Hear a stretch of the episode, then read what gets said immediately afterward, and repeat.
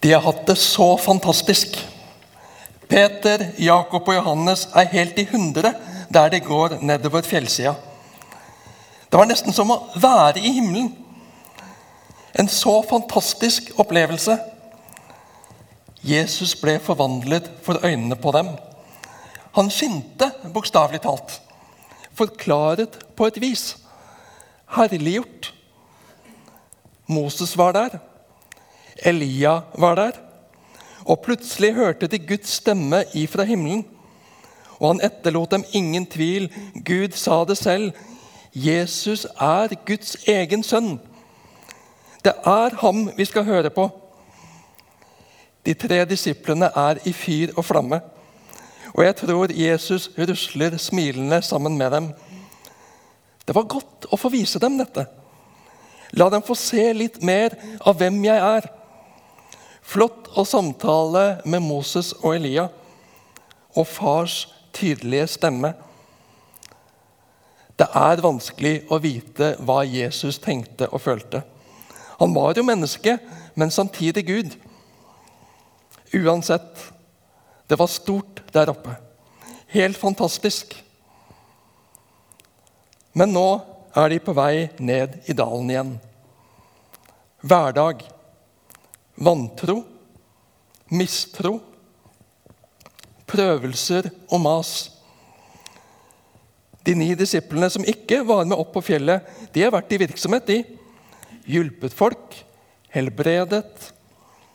Men her lyktes det ikke. Det er mye folk, og det er noen skriftlærde som diskuterer med disiplene. Og Når Jesus kommer, så spør han dem om hva de diskuterer. Og vi hopper inn i avsnittet i Markus 9, vers 17-29. En i mengden svarte, 'Mester, jeg er kommet til deg med sønnen min fordi han har en ånd som gjør ham stum.'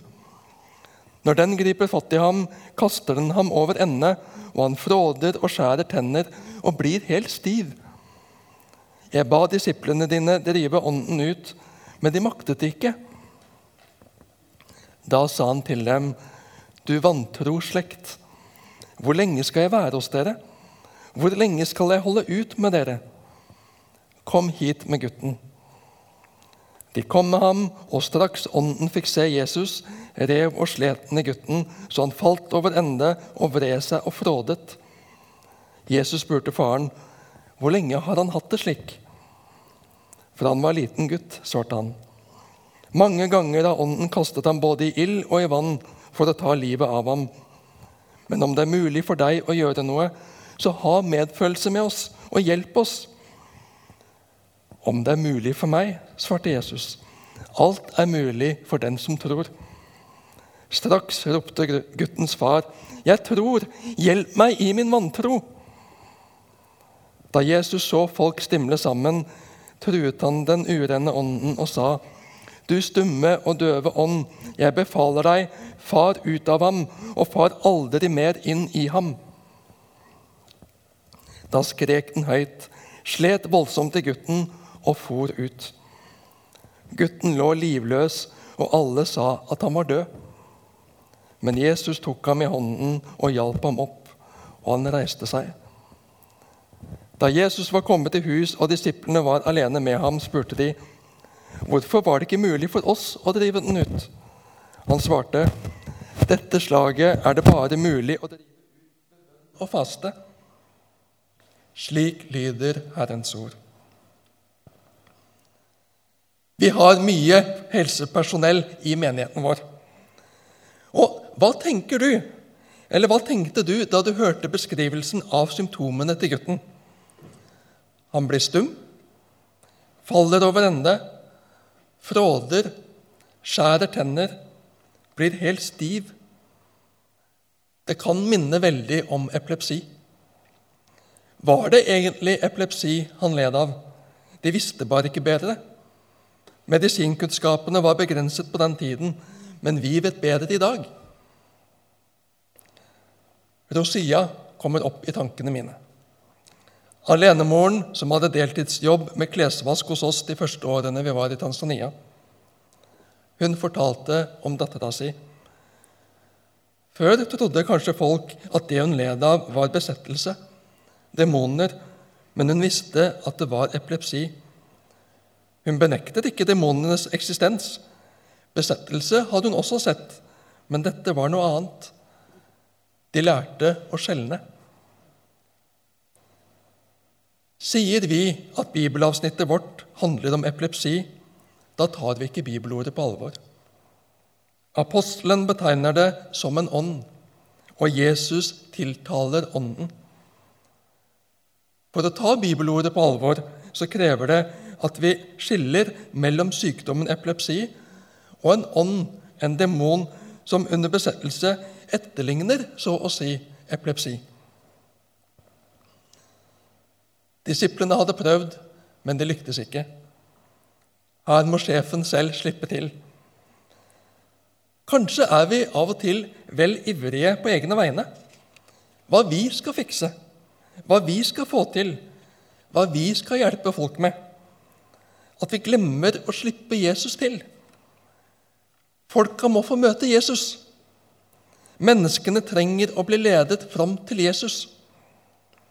Det er ikke vi som skal frelse noen. Det er ikke vi, det er ikke oss de skal like. De trenger å få møte Jesus. Jo visst så skal vi by på oss selv. Jo visst skal vi være tilgjengelige som mennesker. Jo visst skal vi etterstrebe at folk skal trives og finne seg til rette hos oss. Men først og fremst så trenger de å ledes fram til Jesus. Det er han som kan frelse. Det er han som kan forandre livet fra roten av. Jeg ba disiplene dine drive ånden ut, men de maktet ikke. Da sa han til dem, du vantro slekt, hvor lenge skal jeg være hos dere? Hvor lenge skal jeg holde ut med dere? Salmenes bok var bønneboka til jødene. Jesus bryter ut med Salme 95, 10. I salmen så er bakteppet Guds strev med israelittene i 40 år i ørkenen. Stadig ulydighet, stadig misnøye og mistro, klaging og syting. Og Jesus opplever det samme. Vantro er en distansert, sette på prøvementalitet. La oss nå se om han kan greie det som disiplene ikke greide. Trass i avskyen bestemmer Jesus seg likevel for å hjelpe. Men det handler ikke først og fremst om å gjøre en jobb, utføre en bestilling, men det handler om å møte mennesket. Det handler om å møte menneskene. Jesus spør faren til gutten, og han lar ham fortelle. Hvor lenge har han hatt det slik? Fra han var liten gutt, svarer faren og fortsetter. Mange ganger har ånden kastet ham både i ild og i vann for å ta livet av ham. Men om det er mulig for deg å gjøre noe, så ha medfølelse med oss og hjelp oss. Han ber om medfølelse, og han ber om hjelp. Han er maktesløs. Han evner ikke å hjelpe gutten sin med dette. Kan du hjelpe oss, Jesus? Det var i grunnen ålreit den gangen at jeg, den gangen jeg i barnas øyne var verdensmester. Pappa, han kan alt, han. Den gang barna var små og beundret sine foreldre. Det var en gang. Men også da så kunne en komme til kort. Det er vondt å se barna sine lide. Det er vondt å ikke kunne hjelpe dem. Men vi skal få bære barna våre og alle vi er glad i, til Jesus. Om det er mulig for meg, svarte Jesus. Alt er mulig for den som tror. Her kjenner jeg at en sårhet lett slår inn i meg. Jeg har hørt så mange ganger at en bare må ha tro nok. Så mange fantastiske historier om under og mirakler. Men det skjedde ikke da jeg ba. Jeg har blitt salvet og bedt for, men jeg ble ikke helbredet. Skaden i halsen er der fremdeles. Jeg har salvet og bedt for folk, men jeg har til gode å se en utvetydig helbredelse. Tror jeg nok? Tror jeg rett? Er det noe galt med min tro? Straks ropte guttens far, 'Jeg tror. Hjelp meg i min vantro.' På det handlet Jesus. Barnefaren henvendte seg til Jesus midt i sin fortvilelse. Det var ikke rare troen han kunne stable på beina, men han så et snev av håp i å henvende seg til Jesus. Han har jo hjulpet andre, men er det mulig? Jeg har prøvd alt. Jeg tror. Hjelp meg i min vantro. Jeg tror. Jeg vil tro. Jeg er usikker, jeg er full av tvil, av skepsis, av motvilje. Jeg dras i så mange retninger. Jeg er så delt. Men Jesus, jeg tror. Hjelp meg i min vantro. Vantro er en distansert og skepsisbetont holdning til Jesus. Den som med egne krefter prøver å skrelle av seg en slik vantro, risikerer å havne i den motsatte krefta, der tro fremstår som en prestasjon utført av vår, utført av vår vilje. Og da blir troen bare en slags fortjenestefull god gjerning. Det er veien mellom de to grøftene Jesus leder den bedende faren til. Tro er å gi avkall på alle egne krefter. Både de egne kreftene vi holder oss til når vi er vantro, og de egne kreftene vi klamrer oss til når vi strever med å få viljen til å produsere en tro. Jesus bevisstgjør først faren på sin og sønnens totale avmektighet. Deretter lærer han ham å bekjenne vantro som synd. Det er nettopp det faren gjør idet han sier 'Hjelp meg i min vantro'. For ekte tro kan vi bare få som gave ifra Gud.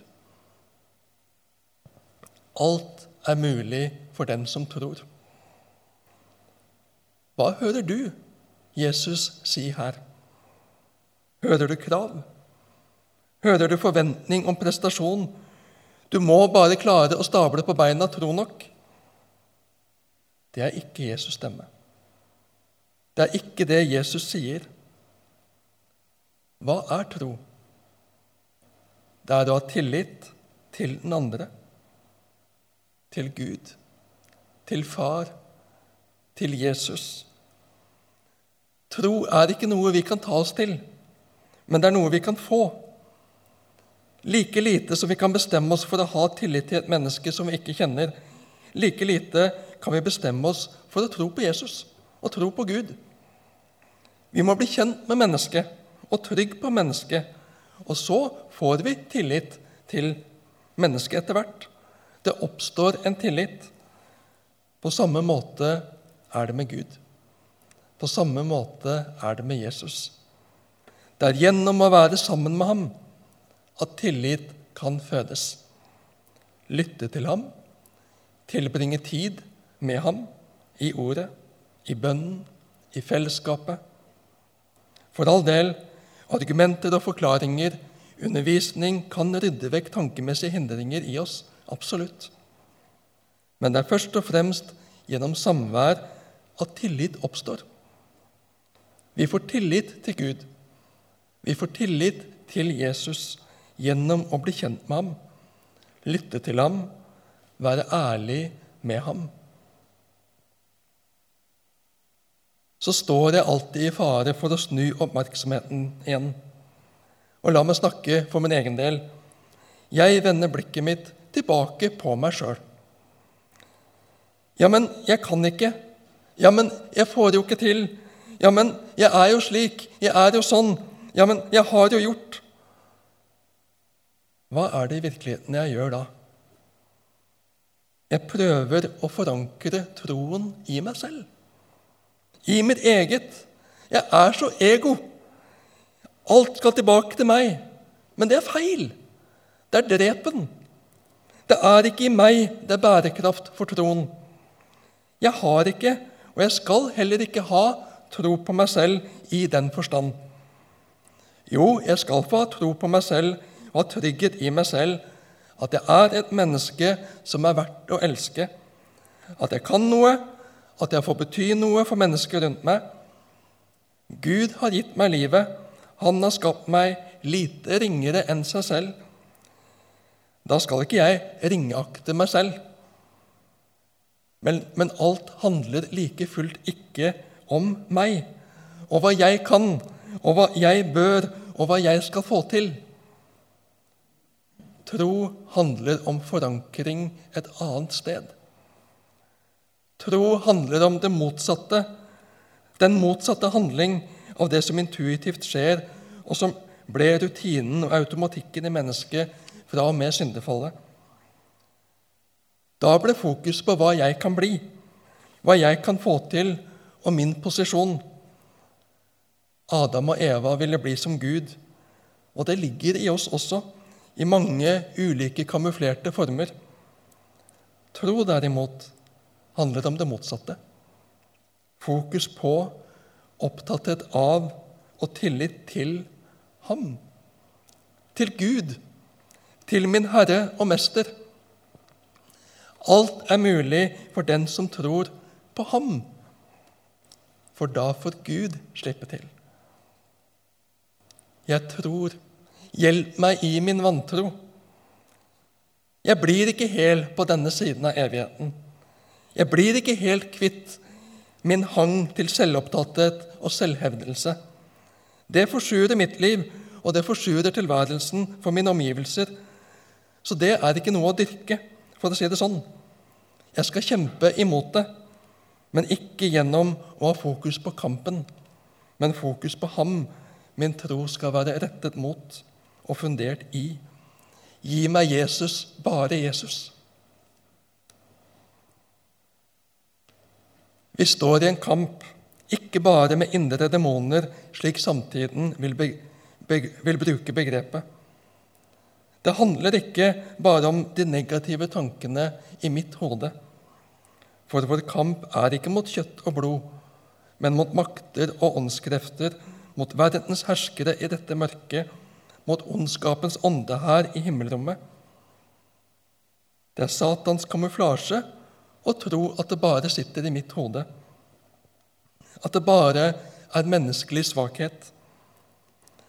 Alt som vil ta fokuset vårt bort fra Gud, alt som vil ta fokuset vårt bort fra Jesus.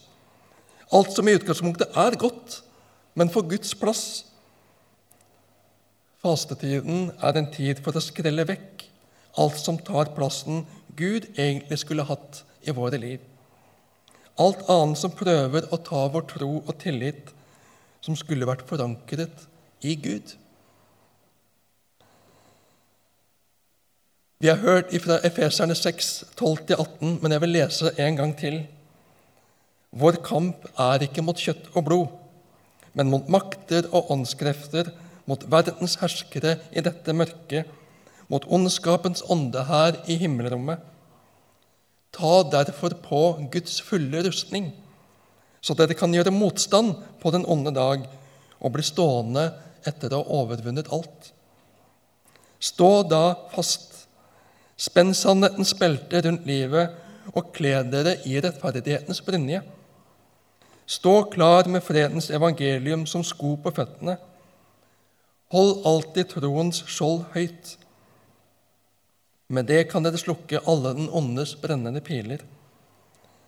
Ta imot frelsens hjelm og åndens sverd, som er Guds ord. Gjør dette i bønn og legg alt framfor Gud. Be alltid i Ånden. Våk og hold ut i bønn for alle de hellige. På denne tredje søndag i faste ristes det i verdensbildet vårt.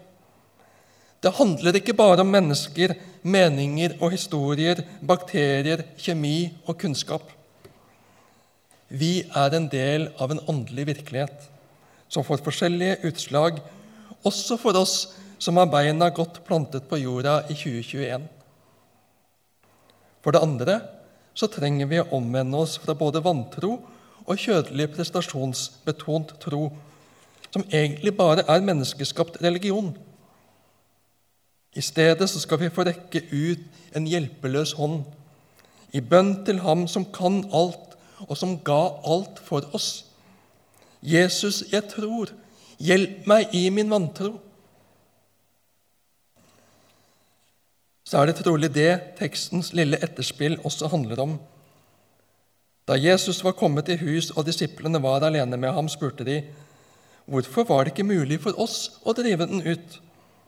Han svarte, dette slaget er det bare mulig å drive ut ved bønn og faste. Det var Jesus selv som måtte få slippe til. Ikke alt de skulle prestere for ham. Amen.